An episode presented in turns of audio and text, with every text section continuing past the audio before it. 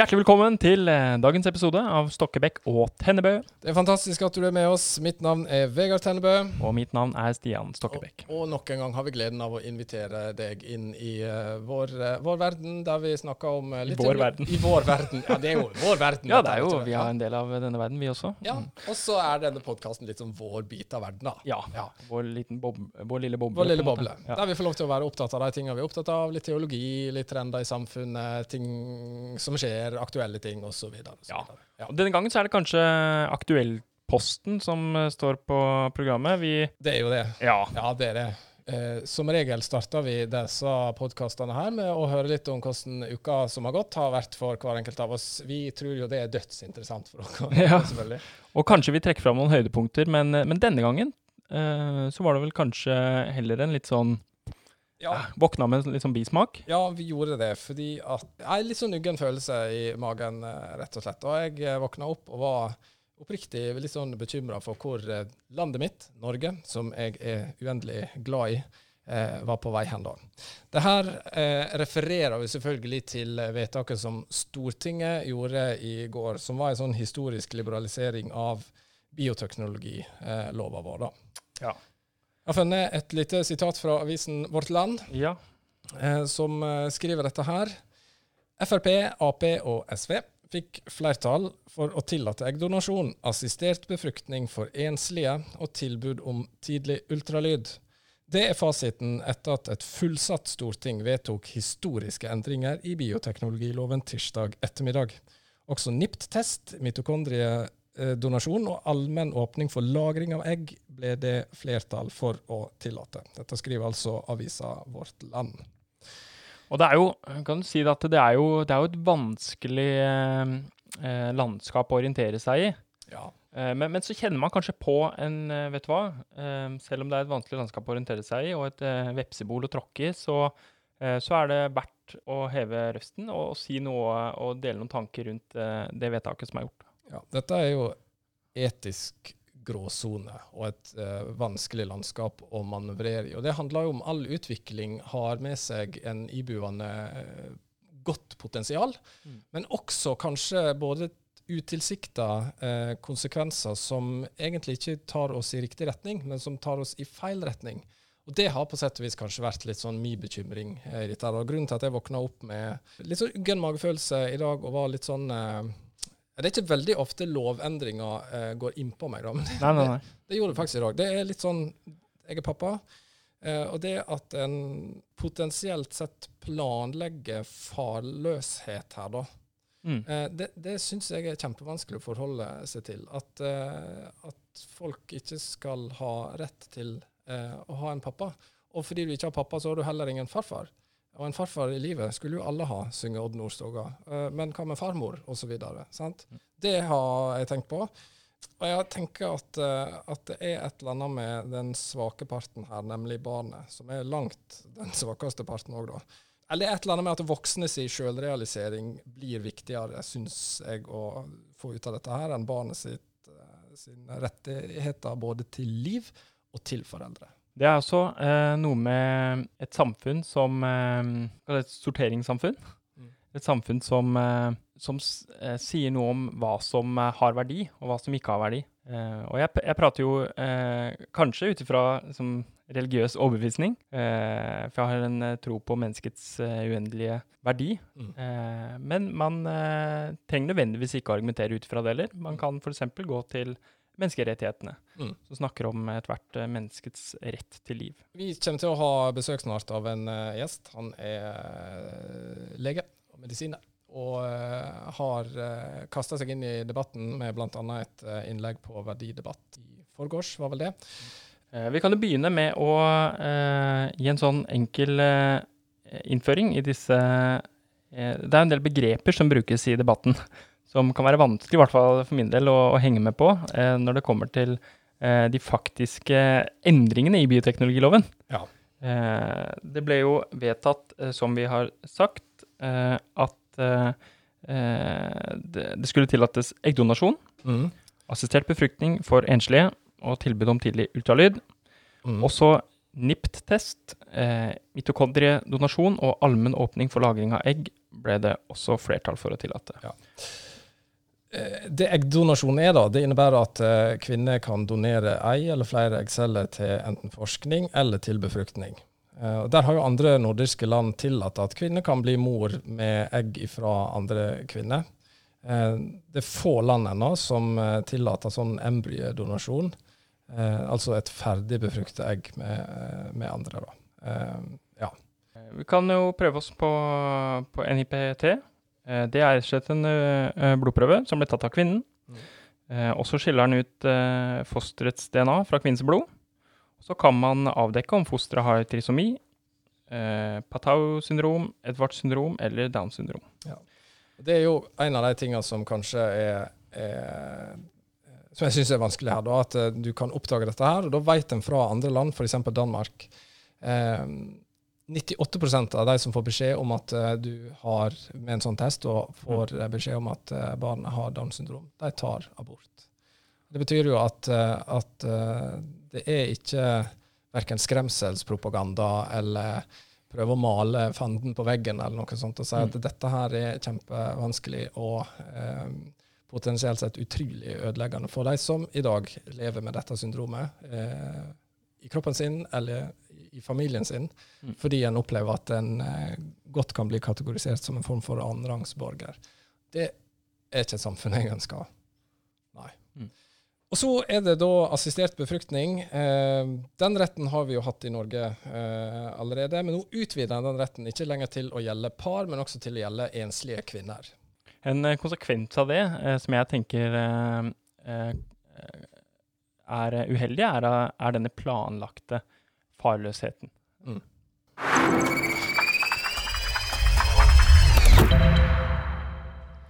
Vi er jo nødt til å ha et mer Eh, vi er nødt til å snakke om ting vi har peiling på. Mm. Derfor ønsker vi å ha en uh, mer teologisk innfallsvinkel. Um, eh, vi ønska vel egentlig å ta utgangspunkt i første, andre og tredje trosartikkel. Ja. Jeg tenker det er veldig relevant for ja, det har vi, og spesielt, spesielt, uh, spesielt første. Uh, den første trosartikkelen den er jo sånn som dette her. Jeg tror på Gud Fader, den allmektige, himmelens og jordens skaper. Og for Luther så han hadde jo en forklaring til denne artikkelen. Han hadde det. Ja, For han så innebærer det at uh, jeg tror at Gud har skapt meg og alle andre skapninger.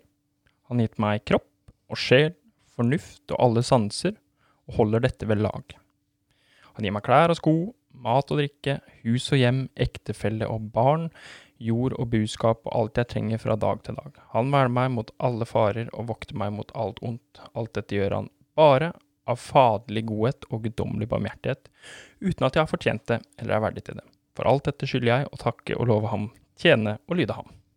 Luther altså en skarping. Vi burde lage en episode om eh, katekismen hans en gang. Ja, det burde um, men, sant, men dette her framhever jo at Gud er nummer én.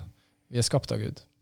Eh, nummer to, Gud er alles far, på sett og vis. Han er skaperen av himmel og jord og alt som er, er, på den. Og Det betyr at alt levende står i en relasjon til Gud. Eh, han skapte mennesket i, i, i, sitt bilde. Mm. I, imago dei. Det kan være et ord en kan uh, tygge litt på i, uh, i uka. Uh, mm. Guds bilde. Det betyr at det der er noe i vår menneskelighet som er gudvilla og som ligner Gud. Det her betyr jo at vår verdi som menneske mm. ikke ligger i de egenskapene vi har, eller i produksjonsevnen vår, eller i hvorvidt vi bidrar positivt eller negativt til bruttonasjonalprodukt. Men verdien vår sånn egentlig, den ligger at vi er villa og ønska og skapt av Gud. Hvis du skal liksom finne bibelstoff for dette, så er det selvfølgelig skapelsesberetninga i første Mosebok er en sånn utrolig viktig, grunnleggende tekst for det her. Vi kan også gå til f.eks. Salme 139, som er en sånn fantastisk, eh, fantastisk salme der det står bl.a. dette her fra vers 13. For du har skapt mine nyrer, du har vevd meg i mors liv. Jeg takker deg for at jeg er så underfullt laga.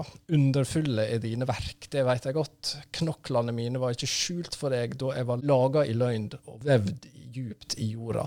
Øya dine så meg da jeg var et foster. Alle dager er skrevet opp i din bok. De fikk form før en av dem var kommet. Det er jo salmisten sin refleksjon over hva det betyr å være skapt i Guds bilde. da. Og Det gjør at jeg tenker at uh, ut fra dette her, uh, mennesket og det menneskelige livet, det er ukrenkelig, rett og slett. Og da vet du det at uh, nå har vi, sant, ut fra det her så har en jo argumentert ut fra en sånn religiøs uh, ståstad. Men som du sa i stad, en kan gå langs menneskerettighetslinjene. En kan gå langs barnekonvensjonen eh, og det at eh, barn har rett til liv. Barn har rett til sine foreldre. Og all lovverk som måtte, gjør den, gjør den eh, koblinga mellom eh, disse rettighetene for barna blurry, tenker jeg er en skummel sak. da. Mm. Ja.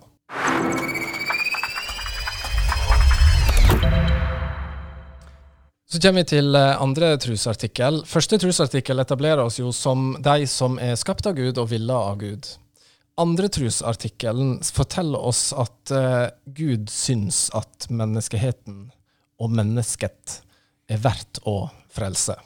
Det også sier noe om, om uh, hvert enkelt menneske sin verdi. På tross av hva de klarer å prestere. Ja. ja. Og ikke bare sånn, men sånn, det er ikke bare en, en knipsing, og så er det liksom ting i orden. Men, men Gud sender sin sønn Jesus til denne jorda.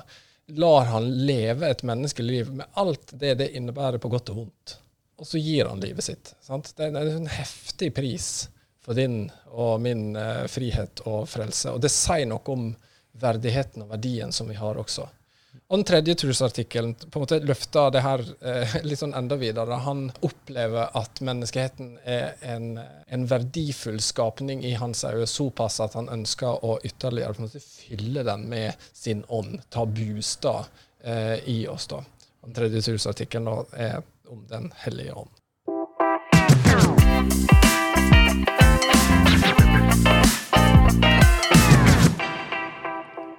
Yes. Med oss i studio har vi, eller med oss i hvert fall eh, over telefon eh, i studio, har vi Andreas Nydal. Velkommen. Takk.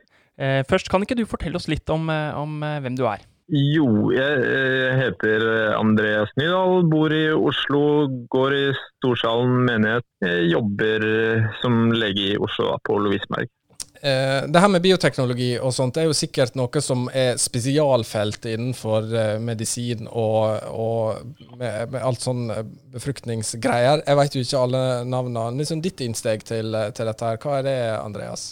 Uh, ja, jeg er ikke en uh, ikke gynekolog, jeg er ikke ekspert på dette. Også, ja, men det handler om at jeg har kjent uh, at det har banka i brystet uh, pga. disse implikasjonene da, som jeg opplever at dette har.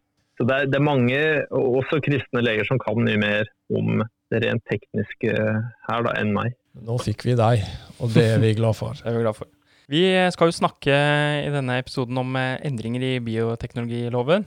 Eh, du skrev en artikkel nylig i, i Vårt Land i eh, Verdidebatt eh, som het 'Et liberalt nei til tidlig ultralyd'. Mm. Og du begynner artikkelen din eh, med å si at du som lege vil kjenne et sterkt ubehag eh, ved å tilby tidlig ultralyd som rutineundersøkelse. Hvorfor det?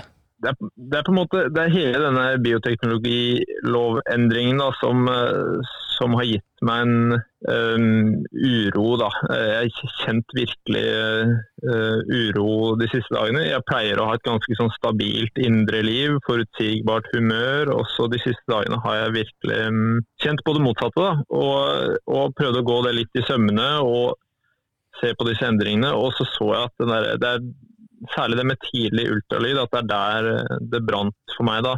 Hvor um, Eh, dette er en eh, undersøkelse som eh, er rimelig godt tilgjengelig allerede i dag, og den er åpen for de som ønsker det.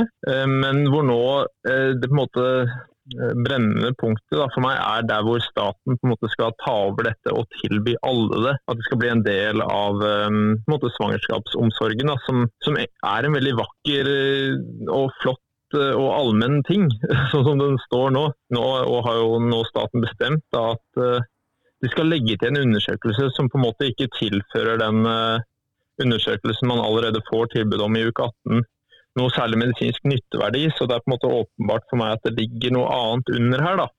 Men som, som jeg opplever at tilsløres litt, eller at det brukes vikarierende argumenter for å liksom presse dette på. Da. Så, så, det er på en måte det at, det, det at staten eh, har lagt føringer her. At det er de som mener at jo, dette skal vi gjøre. Og, og med meg da, som medium eh, og det jeg forteller om samfunnet vårt ved å gjøre det. Det er det som på en måte mm. Du snakker om den medisinske nytteverdien. Eh, at det er begrensa medisinsk nytteverdi. Kan du forklare det for oss? ja, på måte? Det, da støtter jeg meg egentlig bare til det som heter Kunnskapssenteret, som er et uavhengig kunnskapsoppsummerer på det medisinske feltet, da, som holder til i Oslo, og som leverer sånne um, utredninger da, i forkant av sånne store beslutninger som dette. Det fòrer beslutningstakere med uavhengig og oppsummert kunnskap, så nøytralt som mulig. da. Mm. Og De gjorde dette i 2012 og, og, og mener dette at det tilfører ikke den uke 18-undersøkelsen eh, noe særlig. Altså eh, Implisitt, det, det den brukes til er jo å oppdage, eller, og kanskje med ganske stor usikkerhet oppdage trisomier. Sånne 13, 18, 21, også, som bl.a. Downs syndrom. Da, og, og bl.a. se på tvillinger, eh, om de deler morkake eller ei. og I ekstremt sjeldne tilfeller så fanger den jo opp enkelte tilstander da, som, som, som fører til at eh, noen, noen, kan bli redda. Noen barn da, som kanskje ville dødd, kan bli redda. Så Det har vært noen enkelttilfeller som har blitt løfta veldig høyt i media, og som likevel, da, ifølge Kunnskapssenteret, ikke er nok. Det er ikke verdt den massescreeningen, den masseundersøkelsen på en befolkning. Da. Det er ikke verdt eh, kostnaden. Mm. På, kostnaden på alle mulige måter med usikkerhet, uro, eh, implikasjoner osv.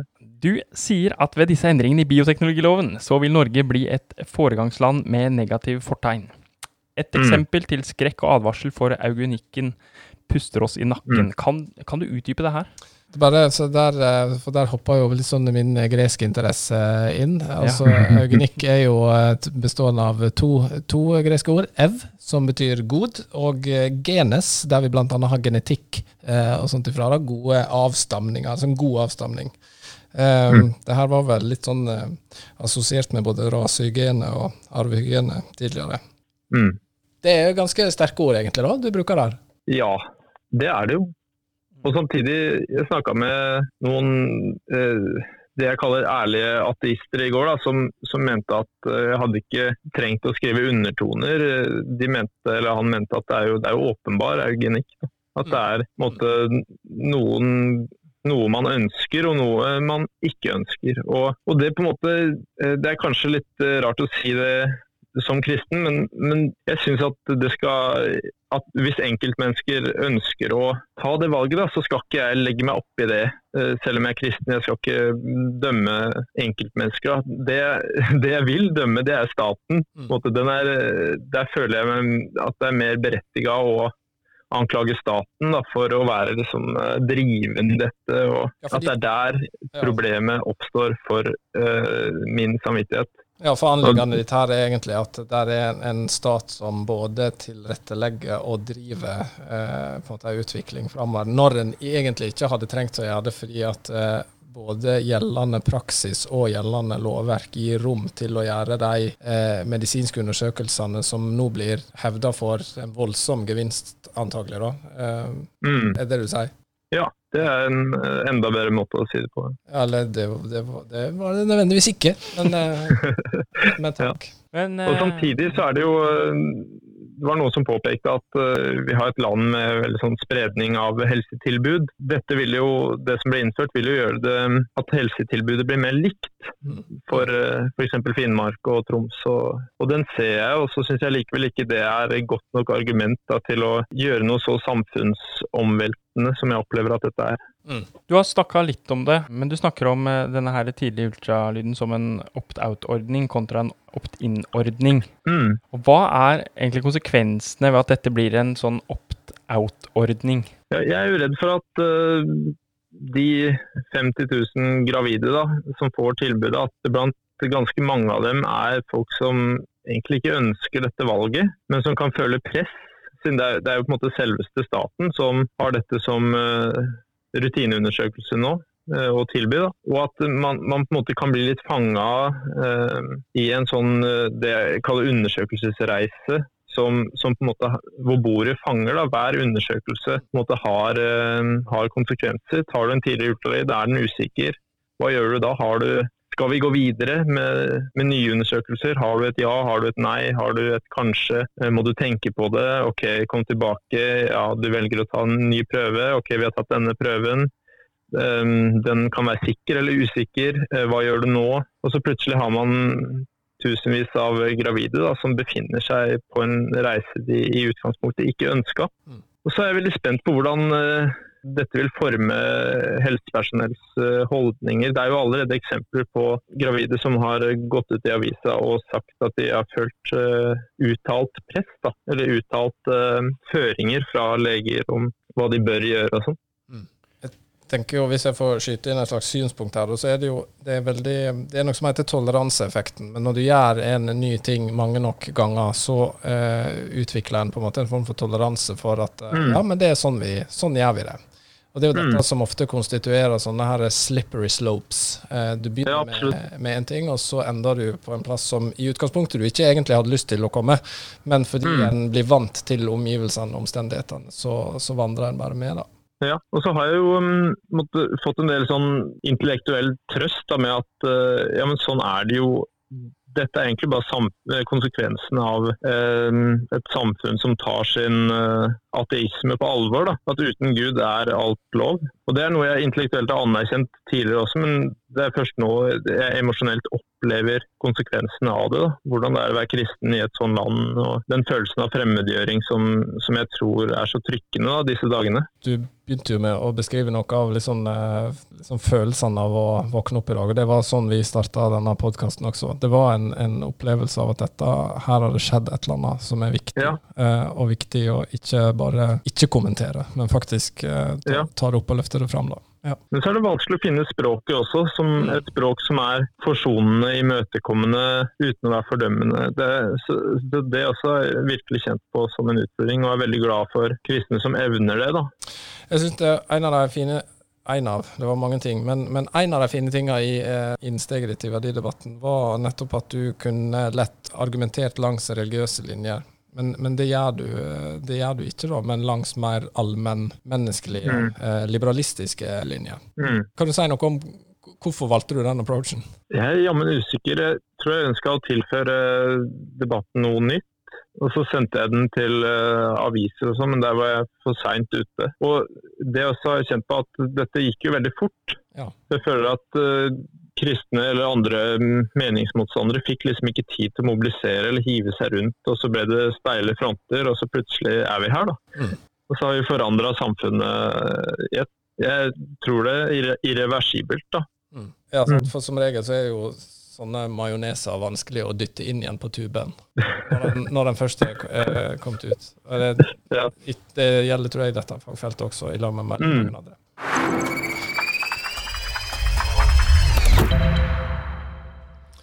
Men du, jeg lurte på en del ting. Der er jo så mange ord i uh, dette saksbildet her. Og vi lurte på om du kunne hjelpe oss å nøste i litt forskjellige ting. Ja, vi har jo prøvd å orientere oss i dette feltet her, men vi skjønner at uh, vi kommer litt til kort. Det er ikke vårt felt. Kan, ja, kanskje du kunne bistått oss? Kan du veldig kort uh, forklare? NIPT-test. Ja, det er sånn um Non-invasiv står NI-en for, ikke invasiv. Altså du, du, må ikke inn i eh, kjønnsorganene og på en måte hente ut noe som du så ser på. Det er en eh, blodprøve. da. Ja. Du henter blod, og så ser du om det er eh, om det flyter rundt noe DNA fra fosteret. Det er på en måte det man prøver å fange opp. da, Sirkulerende fetalt DNA, som vitner om det er trisomi 13, 18 eller 21. Hvor, hvor 21 er Downs syndrom, da. Og de andre er Edwards og Pathaus eller noe sånt. Ja. ja. Eh, og da er siste ordet som jeg lurer på, eh, det er mitokondriedonasjon. Hva, hva... Mitokondriene er, eh, det er sånn forbrenningsmotorer da, i cellene. Um, man lurer på om mitokondriene var en bakterie en gang i tida, og så kom cellene og bare spiste denne bakterien. Okay. Og så med det fikk de seg en forbrenningsmotor da, som, som, gjør at vi kan forbrenne sukker på en en effektiv måte. Og mitokondriedonasjon det handler vel om at um, det er det som alltid kommer fra mor. Da. Det, sædcellen har ikke med seg noen, noen mitokondriebidrag. Men jeg vet ikke hva, hva liksom uh, ja, er, dette, er, dette, her inne i uh, Implikasjonen er av det? Det er vel så vidt det er min lille research på dette her fra en artikkel på, på, nett, så er det sånn at hvis arvelige skader i DNA-stoffet vårt er på en måte disse her mitokondriene, så kan ja. en antagelig da donere disse her eh, mitokondriegreiene til å Jeg vet ikke. Jeg vet ja, ikke. Fra, en, fra en tredjeperson, sånn at du på en måte kan være Du kan være Du kan ha arvemateriale fra tre ulike mennesker, da, og så være født av en fjerde, på en måte. Så det, det blir jo øh, ganske utrolig, da, til slutt. Hvorfor er det verdt å, å si ifra? Hvorfor er det verdt å hive seg rundt mm. og skrive artikler eh, og, og, melde seg inn i, denne, eh, i dette minefeltet? ja, en kan jo lure på om det er verdt det. Eh, men det er, eh, jeg er opptatt av eh, ordet paradigme om dagen, som er på en måte summen av eh, antagelser og sånn forutinntatthet, meninger, grunnantagelser, da, som, som, på en måte befinner seg i befolkningen. Mm. Eh, og jeg merker jo at dette er et paradigme, det der med økt frihet, økt valgfrihet. Det er så sterkt, det paradigmet der. Og så tror jeg at uh, måter å på en måte nærme seg et paradigmeskifte på, er å prøve med sine små drypp, sine små valg i hverdagen. Å og prate med de menneskene man møter. Jeg, vet ikke. Benytte kulturen, benytte allmenne argumenter og kanskje noen ganger på egen bekostning. At det er jo vondt å kaste seg utpå. Er det mulig å frakoble denne biologiske verdenen med mm. en mer konstruert verden, der ting i mye større grad er i, i, i flyt? En skulle jo tro det, at det er dit vi er på vei. Og samtidig så er det jo altså dette behovet for um, assistert befruktning eh, for enslige og eggdonasjon og sånn, det, det, det, kommer vel fra et behov for nettopp bio, biologisk tilknytning da, fra den voksne. Mm. Og så overser man kanskje at uh, barnet ikke får det. da. Uh, uh, jeg har ikke noe å støtte meg til for å si at det er krise i seg selv. Det, er bare, det jeg syns er påfallende, er at uh, den voksnes behov for biologisk tilknytning vektlegges så sterkt. Der hvor uh, det ikke uh, ofres en tanke for barnets behov for det samme. Da. Mm.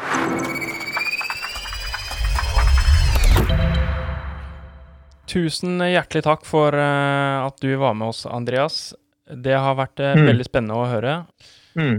Og så fortsette å skrive gode, gode innlegg. Det, mm. det, gjør meg glad å vite at det fins eh, sånne som eh, deg der ute.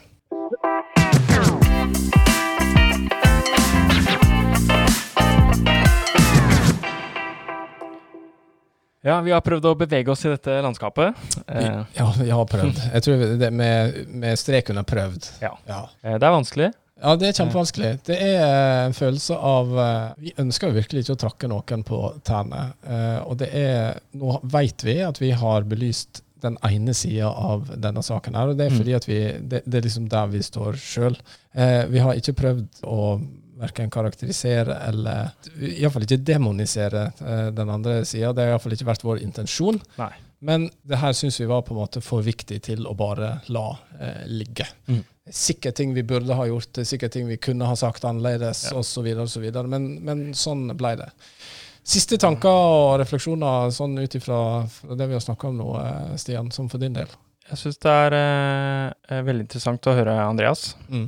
eh, prate om hvorfor han kjenner det banker i brystet mm. eh, når, mm. når, dette kommer opp. Så tenker jeg at eh, det er viktig å bevare den, den gode samtalen i tiden som kommer, og kunne fortsette å snakke um, Eller fortsette å snakke, vet ikke om jeg kan si, for jeg syns, jeg syns utgangspunktet kanskje at det her har gått vel fort. Litt som Andreas også var inne på, det å, å faktisk rekke å gjøre seg opp noen tanker og mobilisere. Og, men eh, jeg tror det er viktig i tiden framover eh, å kunne holde en presis dialog og jobbe godt med, med disse tingene. Mm. Ja. Mm.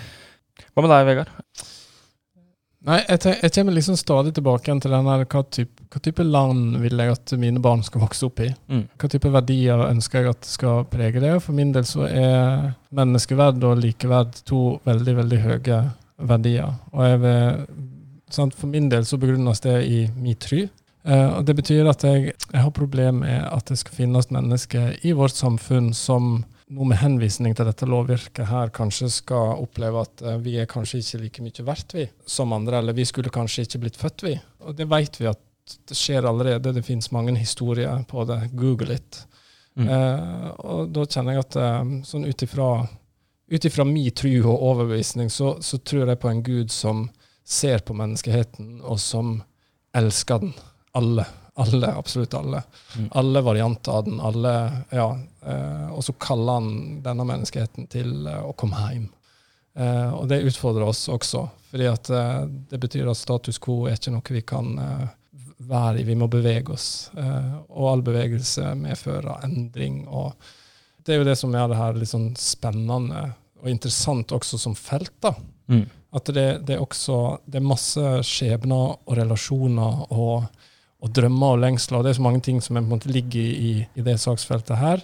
Og så er det også et saksfelt som jeg tror det skal gå an å kunne snakke om, med en intensjon om å ønske dialog og samtale, og ikke trampe andre på beina eller stemple en eh, med intensjoner en ikke har. da. Mm. Ja. Så vi er veldig mottakelige for respons på, på også denne podkasten her, sånn som vi alltid er, og denne episoden her. Absolutt. Eh, skriv til oss på Facebook, eh, i Messenger-feltet der. Vi skal prøve å svare så masse som vi kan. Og så håper vi at dette her har vært en eh, interessant og kanskje nyttig eh, gjennomgang av eh, en nylig hendelse i vårt land. Da. Så velkommen tilbake igjen neste uke, tror jeg vi får si. Velkommen tilbake neste uke. Vi eh, gleder oss til en ny episode. Bye.